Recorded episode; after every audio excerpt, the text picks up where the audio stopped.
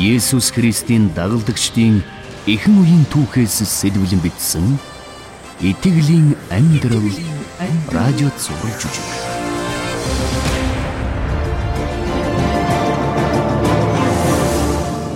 Зурд дуурай. Анания Сафир хоёр. Сафир хоёр.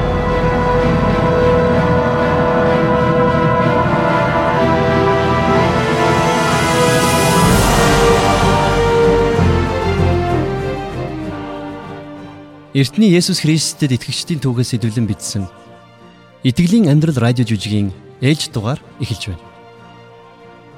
Өнөөдрийн түүхийг бид Библийн Үйлс номын 4 5 дугаар бүлгээс сэдэвлэн хүргэж байна. Эдгээр бүлгүүдэд огт хоёр өөр хандлага, хоёр өөр сэдэлтэй хүн анхны чуулганд өглөг өгч байгаа тухай түүх гардаг юм. Харин үр дүн нь тун сонирхолтой болсон юм. Өнөөдрийн түүхийг бидэнд өгүүлэх урд нь Ромын цэрэг байсан Гaius за мөн Есүсийн уучлалаар гимт ертөнцөөс ангижирсан Тобиа нар байх болно. Энэ хоёр шин гэрээ номд үлдсэн энэхүү загтлыг их хэлбрээр нь Эфест амьдардаг Теофилд хүргэж ирсэн билээ. Та санаж байгаа бах. Энэ захиаг грек үндэстэй эмч Лук гэгч хүн өөрийнхөө дотны анд Теофилдо зориулсан бичсэн. За одоо ингээд энэхүү сонирхолтой түүхэнд та бүхнийг урьж байна.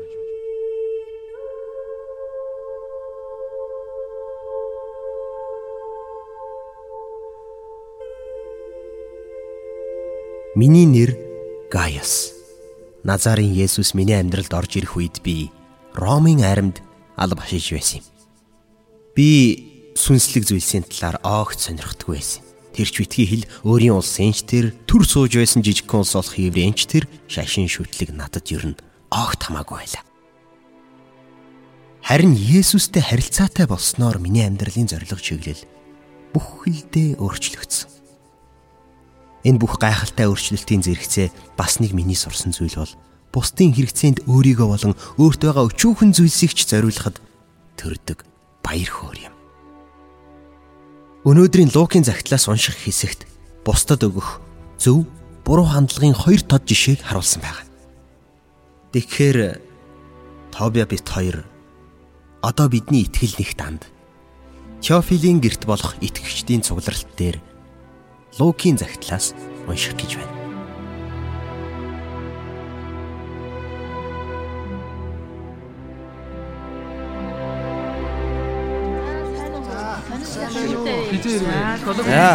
Аа бүхэн манай гэрд давтаа морилж дуглан саадна уу. Өдөр ирэх тусам бид улам олоола болж байна шүү. Өнөөдөр бидний дунд Гaius мөн Тобиа нар байгаа нь үнэхээр бурхны ивэл. Өнөө өглөө бид Лукийн загтлын өөр нэг хэсгийн талаар тэдэнтэй ярилцаж байхад тэд Лудия бид хоёрт зарим нэг үндсэн мэдээллийг өгсөн юм л да. Тэгэхээр Тэднийг та нарт бас танилцуулахыг би тэднээс гуйсан. Энэ мэдээллээс та тухайн үеийн хавчигдмал хүнд хэцүү нөхцөл байдлаас үл хамааран эртний чуулган хэрхэн цуглаж бурханд мөрөгдөг байсан талаар ерөнхий төсөөлөлтөй болох байгаа. За, Гaius. Та өнөөдрийн цугларалтыг эхлүүлэх үү? Баярлалаа, Чофло. Энд ирсэн хүн болгонд бидний аврагч Есүсийн нэрээр мэдчлээ. Эртний Иерусалим хотод анхны Христч чуулган үүсэж тэр цагаас хойш 30 жилийн дотор Ромын эзэнт гүрний нэлээд хэсэг тархсан гэдгийг та нарын ихэнх нь мэдэх байх.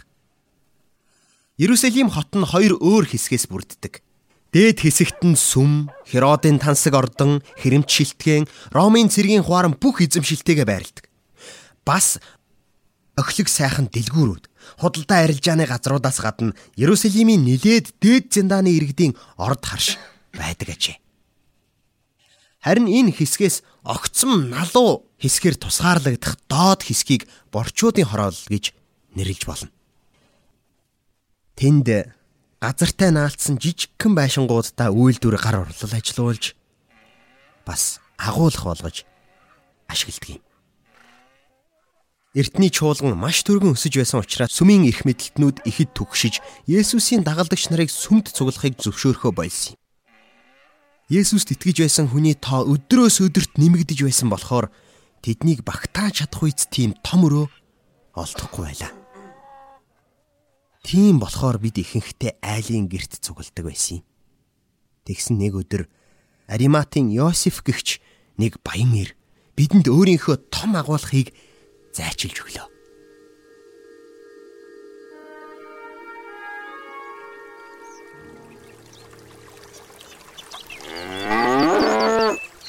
Оо Андре, чи энд байсан юм уу? Оо Петр. За сайн уу? Чамайг ч надад туулгах сонинтой явна гэж дуулаад би ирлээ. Харин тийм ээ, их сонинтой. Би цуглаан хийх сайхан зайтай агуулгатай боллоо штэ. Бурхан далдрыг өргөе. Бурхан бидний залбиралд хариулжээ. Тэр өгөөмөр хүн чинь тэгээд хэн бэ? Агуулх нь хаана байдгийн бол? Вэ яагав? Ариматын Йосипийн агуулхаа. Иерусалимийн доод хэсэгт сүмээс холгүй байрладаг. Би очиод үтсэн их том юм байлээ. Зарим зүйлийг нь засварлаад бас жоохон цэвэрлэх хэрэгтэй байгаа. Гэхдээ Йосип засвар цэвэрлэгээ хийх хүмүүсийг өгсөн. Тэгээд бас э, шаардлагатай мөнгөийг гаргаж өгнө гэсэн шүү. Аа, Йосип. Тэр ч угаасаа л ийм өгөөмөр хүн дээ. Есүст бүхнээ зориулдаг байсныг нь би сайн санаж байна. Бас их зөрөгтэй тийм ээ. Тийм шүү. Гэхдээ Есүсийг цугласны дараа Харамсалтай нь би тэр газрыг орхиод явсан байхад Никодем тэр хоёр л тэрний биеийг нэхэж авсан байсан. Үгүй тэгээд тэр агуулх нь хизээ бэлэн болох юм болоо. Гэ хизээ гэдгийг сайн мэдэхгүй байна. Гэ нэрэ хэрэг бид хүмүүстэй энэ тухай зарлвал нөгөө Йосипийн өгсөн хүмүүст туслах хүсэлтэй хүмүүс зөндөө байгаа да. Тийм шүү. Тэд энэ мэдээг дуулаадлаа баярлна. Гэ тэгээд олон хүн зэрэг хөдөлбөл бидний ажил ч гэсэн хурдан дуусна шүү дээ. Бурхан даруй сэтгэлээр үнэн сэтгэлээсээ өгдөг хүнийг хайрладаг юм. Аа. Йосип ийм л хүн. Яг үнэ. Тэнгэрт тэрэнд зориулсан тусгай газар бий гэдэгт би итгэлтэй байдаг юм аа.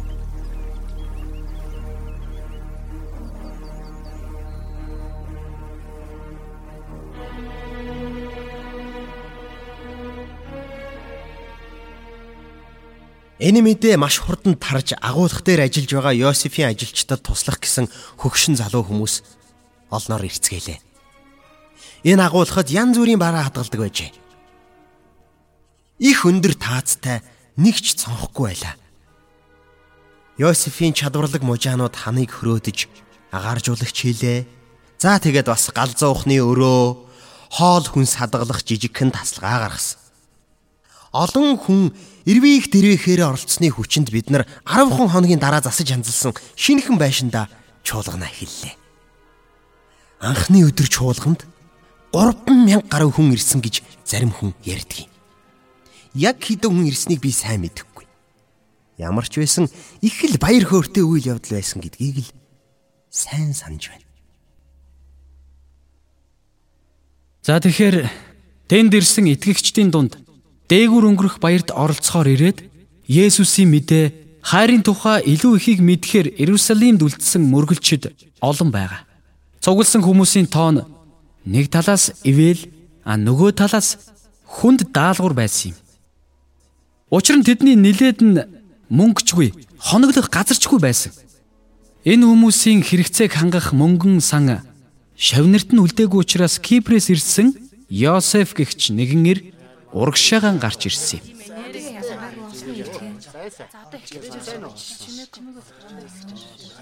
За өнөөдрийн цуглаанд ирсэн та бүхэнд баярлалаа. Энэ олон хүнд үйлчлээд бид бүгдээрээ их ядарсан байна. Бидний дунд байгаа энэ өнчин хүүхдүүд, бэлэвсэн эмэгтэйчүүд, орон гэргүй хүмүүст хоол хүнс, бусад хэрэгцээтэй зүйлсийг нь авч өгөх мөнгөгүй болцоход байгаагаа та бүхэн дуулгахад харамсалтай байна. Хэрвээ Бурхан л биднийг хангахгүй бол бидэнд ердөөл хоёрхан хоногийн нөөц байна. Петрэ, ерөнхийдөө бидний нөөц хомсдож байгааг бидний хэдэн хүн мэдээд үүний төлөө бид нар залбирч байгаа л да. Бурхан биднийг орхиогүй гэдгийг бид баяртайгаар хэлж байгаа. Харин Кипрээс ирсэн Йосеф энэ тал дээр маш санаачлагтай ажиллаж өнөөдөр бидэнд нэлээд их хэмжээний мөнгийг ханд болохоор боллоо. Аа за. Юу гэхдээ энэ бэлгийн тухай ярихдаа тэр өөрийнх нь нэрийг дурдахгүй байхыг хүссэн шүү. Аа А тийм ээ тий. Би Йосефийг таньнаа. Андрэ бид хоёр тэрэнд шин нэр өгсөн юм. Тэрэнд Барнаб гэдэг нэр өгöd байгаа. Юу гэсэн утгатай үг болохыг нь та нар сайн мэдэж байгаа шүү дээ. Тайвширлын хүү гэсэн үг.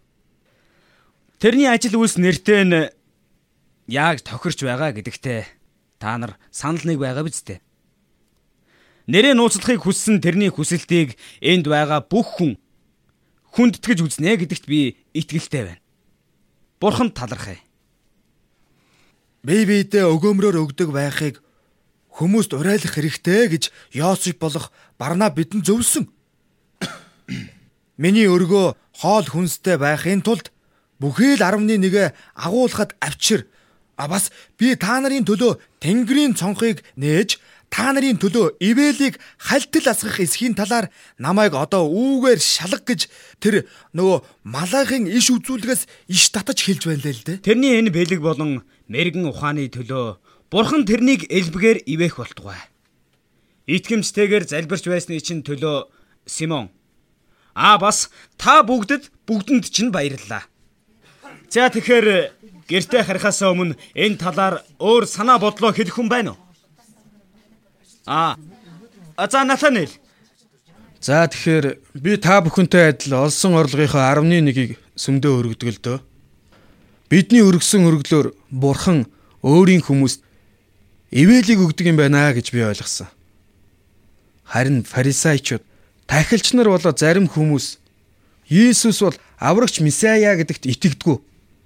Ер нь цаашдаач тэд Христэд итгэгчдийг хавчиж Бурхны үгийг тунхаглахыг зөвшөөрөхгүй байх нь тодорхой байна. Тийм болохоор би энэ Барнабын саналыг дэмжиж байна. Яагаад гэвэл жинхэнэ сүм бол Есүсийг аврагч эзэн гэж итгэдэг хүмүүсийн бие шүү дээ.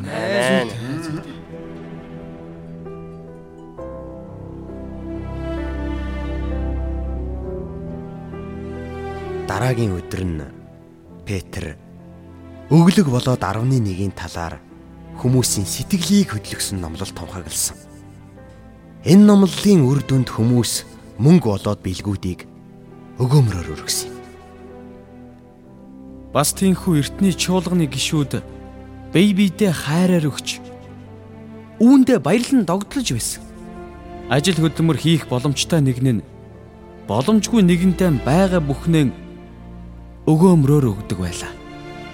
Хэдийгээр Барнабын бэлгийн талаар тэрний нэрийг нууцлахыг хүссэн боловч тэрнийг нилээд хэмжээний хөрөнгөө зарж олсон орлогоо бүгдийн чуулганд өгсөн тухай хүмүүс ямар нэгэн байдлаар мэдсэн л байсан. Ингиж мэдснээс болоод Барнабын зайлсхийж байсан зүйл өөрт нь тохиолдсон юм. Хүмүүс Бурхныг магтахын оронд Барнабыг магтаж хүндэтгэж эхлэх болсон юм. Тийм шүү. Барнаб их даруй хүн байсан. Тэрээр тайзны араас ажиллах, хар бор ажилд туслах, хоол хүнс бэлтгэх, тавилга засах зэрэг ажлыг илүүд үздэг байсан. Энэ бүх бэлэг үйлчлэлийнхэн хариуд магтаал хүндэтгэлийг авах ёстой юм шүү дээ гэж хэн нэг нь хэлэх бүрд тэрээр даруухнаар татгалзаад бурхан магтаалыг авах ёстой гэдгийг тэр хилдэг байсан. Тийм ээ. Олон хүн Барнаб шиг чимээгүй. Бусдаас магтаал хүндэтгэл авах сэдэлгүй. Даруй сүнсээр өгдөг байсан. Харин зарим нь заалны голд гарч ирээд авчирсан өргөлөө элч нарын хөлд тавьдаг байлаа. Ингиж өөрийнх нь үгийг тунхаглаж итгэмжтэйгээр өгч байхад бурхан тэр өргөсөн хүмүүсийг ивэж өдөр бүр олон хүмүүс шинээр итгэж байлаа. Хүмүүсийн тоо өсхийн хэрээр хоол хүнс, хувцас хунар гэдэл бүх зүйлийн хэрэгцээ дагаад нэмэгдсэн дээ. Хотын тэр хэсэгт байдаг дэлгүүрийн эзэн өдрөөс өдөрч өсөж байгаа бидний хэрэгцээг тодорхой шалтгаанаар хангаж чадахгүй байсан юм. Дэлгүүрийн эзэн нь Анания гэж нэлээд чинэлэг хүн байсан. Эхнэрийг нь Сафир гэдэг юм. Тэднийх Иерусалимийн дээд хэсэгт байдаг байсан. Тэр хоёр Иерусалимд хэд хэдэн газарт дэлгүүр ажилуулдаг байсны нэг нь манай цуглааны байрны ойролцоо байсан юм. дэлгүүрийн эзэн хүмүүсийн хэрэгцээг мэдрэхтэй сайн олдсон боломжийг ашиглагдааж гаргууд хүн байлаа.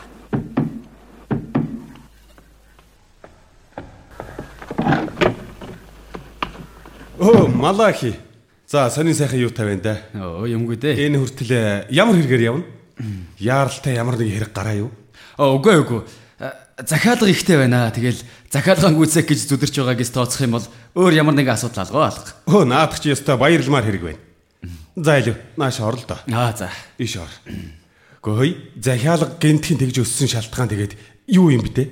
Аа, юу манай дэлгүүрийн ойролцоо нэг том агуулга байдаг штэ. За тий. Тэрний чинь назаас ирсэн нөгөө цовдлогдсон багшийн дагалдагч нарт өгч гсэн байна лээ. Тэрнээс болоод л тэгээд захиалга өслөө гэж юу?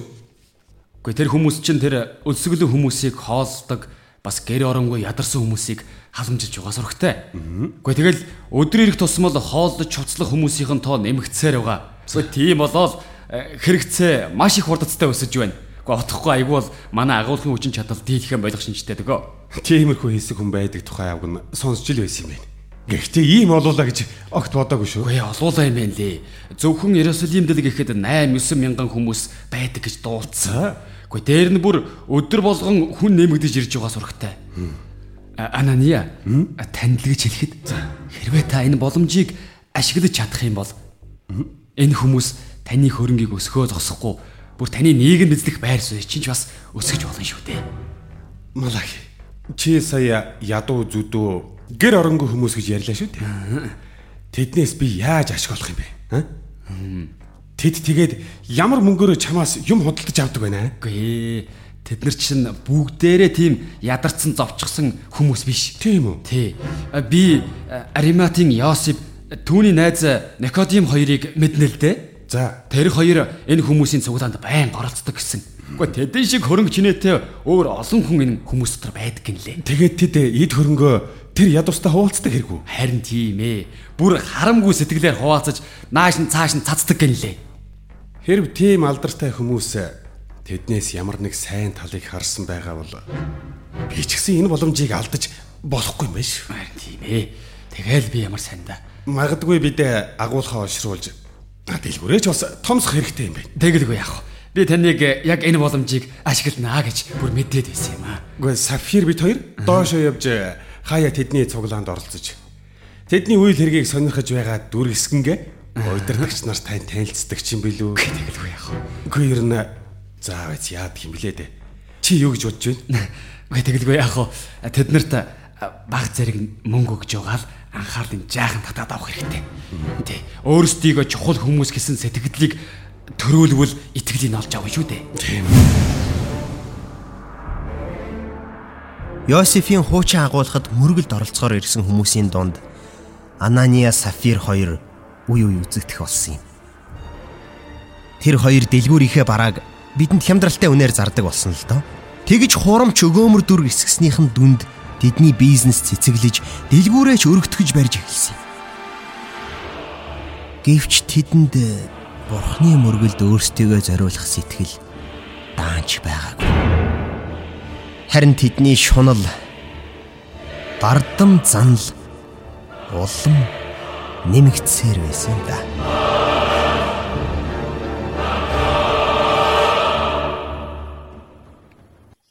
Хөөе Сафира. Аа. Өөрийнхөө хамаг хөрөнгийг худалдаад олсон орлогоо бүгдийн чуулганд өгсөн тэр Барнаб гэдэг хүний тухай чи ерэн дуусна уу? Мэдээж дуулалгүй яах вдэ. Тэр нэг хүмүүсийн их л хүндэлдэг юм шиг байгаа юм. Хүн бүрэл тэрний тухай маш өгөөмөр гайхамшигтай сайн хүн гэж ярьж байна лээ шүү. Бид тэрнээс ч илүү өгөөмөр байж чадна гэдгийг харуулах хэрэгтэй юм шүү. Аа. Одоохондоо ашиглагдаагүй хий дими татврын төлөөд байж байгаа хөрөнгө чи хоёрт байгаа шүү дээ. Аа. Өндөр үнэтэй бүсэд байдаг үл хөдлөх хөрөнгө болчхоор зүйл байгаа. Тэрнийг зарвал овоо их мөнгөтэй болчих. Тийм шүү. А тэгээ тэрнийхээ талын чуулганд өгөөд үлдсний дэлгүүрийнхээ өргөтгөлд зарцуулж яагаад болохгүй гэж? Тийм ээ, тийм л дээ. Наадах чинь нэрээ сандгал санаа байна. Аа.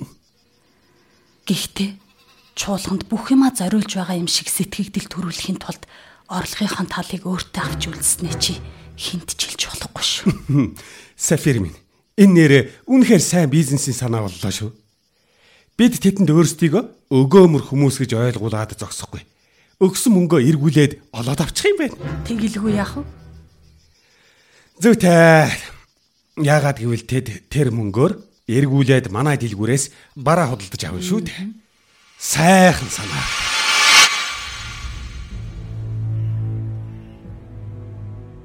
Нэг өдөр үдийн өмнөхөн Анания танхимд орж ирэн бардам алгасаар урагшаа гарч ирлээ. Тэрээр ганцхан Петртэй ярихыг хүсэж байгаа нь илэрхий байсан боловч Петрийг тойроод хэсэг хүмүүс зогсож байсан юм. Тэд Есүс 50000 хүнийг хооллосон тухай түүхийг сонсож суусан юм. Энэ 50000 хүмүүсийн дунд багахан хэмжээний идхэн барьсан нэгэн хүү байгааг ах Андрей минь олж харж л дээ. Тэгсэн Есүс жижигхэн загас хитгэн ширхэг талхыг авч өрөөгöd тэнд байсан сагснуудыг бүгдийг нь дүүргэхийг бид нар олж харсан юм. Яасан Андрей? Тэр чамтай ярих хэрэгтэй байна. Одоо юу? Андрей би энд хүмүүст Есүс 50000 хүнийг яаж хоолсон тухай ярьж өгч байна шүү дээ. Ерөөсөө удахгүй ардаа ажилдаа яарад байгаа гин. Аа за. За ойлголоо. Одоохон очлоо гэд хэлчих. Тэр болонд хүлээлгэж бай. За за за. Өө тийм. Петрэ, гоо яг одоо тэр нэг юм зарламаар байна гэсэн. За ойлголоо. Анания бидэнд хэлэх чухал зүйл чамд байгаа гэж Андрей надад сая хэллээ. Тийм ээ Петрэ. Чамд их баярлалаа. Уулзалтыг чинь тасалдуулсан дуучлаарай. Гэхдээ би тун удахгүй. Та бүхний мэдж байгаачлан би их завгүй хүн л дээ. А гэхдээ та нарыг ч бас Сафир бит хоёр шиг үйлдэхийг ятгаж а бас урамшуулж байна. Өчигдөр бид хоёр сүмийн ойролцоо байдаг үл хөдлөх хөрөнгө худалдсан юм л да. Сафир бит хоёр та нарт бүгд чинь маш их хайртай. Бас биднийг асар ихээр ивэж байдаг бурханд талархан зарсан хөрөнгөнийхөө мөнгийг одоо Петерт авчираад байгаа нь. Анания Чи газрынхаа өртгөөс заримыг нь нууж ариун сүнсэнд худлаа хэллээ шүү дээ. Юу гэнэ? Би худлаа хэлээгүй. Чиний зүрх сэтгэл яагаад сатаанд автах болсныг би мэдэхгүй. Худалдахаасаа өмнө тэр газар чинийх байсан биш үү? Зарагцнаасаа хойш чиний мэдлэл байсан байх. Ийм юм чиний сэтгэлд ер нь яаж төрвөө? Би тэгээгүй. Тэр мөнгөнийхөө 10.1-ийг л өргөхөд бурхан чамд баярлна шүү дээ. гэдэл чи худал хэллээ. Гэхдээ бидэнд биш ээ. Бурханд худлаа хэллээ шүү дээ. Бурханд.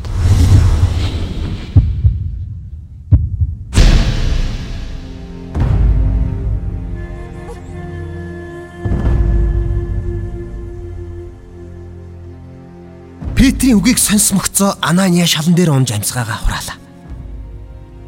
Юу болсныг нь огт таамаглаагүй ихнэр нь 3 цаг орчмын дараа хурж ирлээ. Газрыг зарсан үнийн талаар Петрийг асуухад Сафир мөн л Ананийн хэлсний адил худлаа хэлсэн. Тэгтэн Петр Сафираас та хоёр юунд эзний сүнсийг сорихоор санаа нийлв гэж асуулаа. Тэгж хилтэл мөнөө хэмхтээ мөн л тэр даруй унаж амьсгал хураасан юм.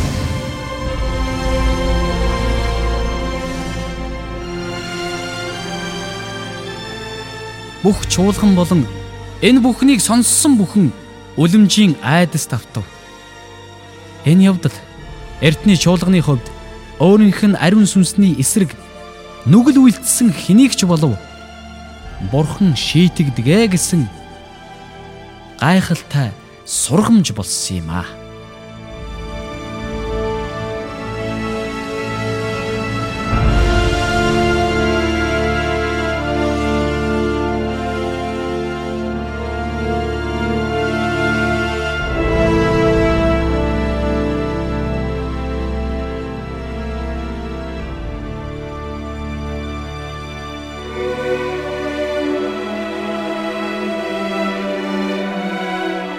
Өнөөдрийн түүхээр бид бусдад өглөг өгөх хоёр тис өөр хандлагын жишээг харьцуулан үзлээ.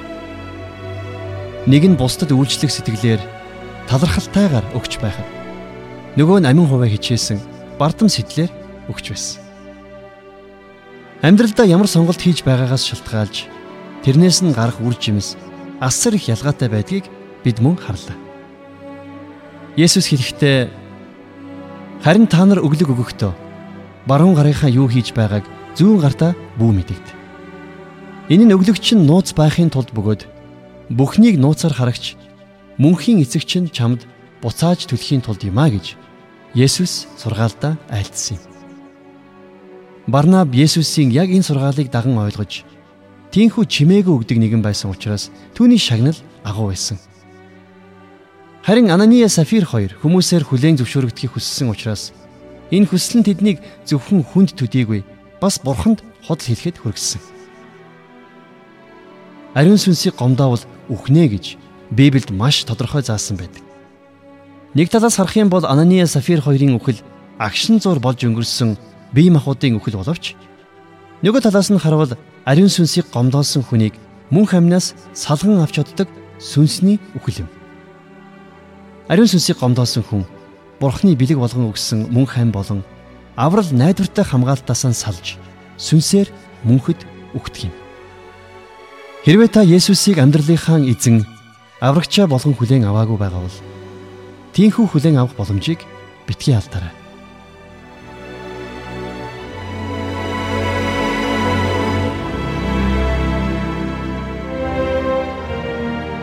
Бүтээгч Бурхан эзэн дэлхийн ертөнцийг үнэхээр хайрлсан учраас хүн төрлөختөнд цорын ганц хүүгээ илгээсэн юм. Ийм учраас хүүд нь итгэгч хэн ч мөхөхгүй харин мөн хамтай болох юм аа.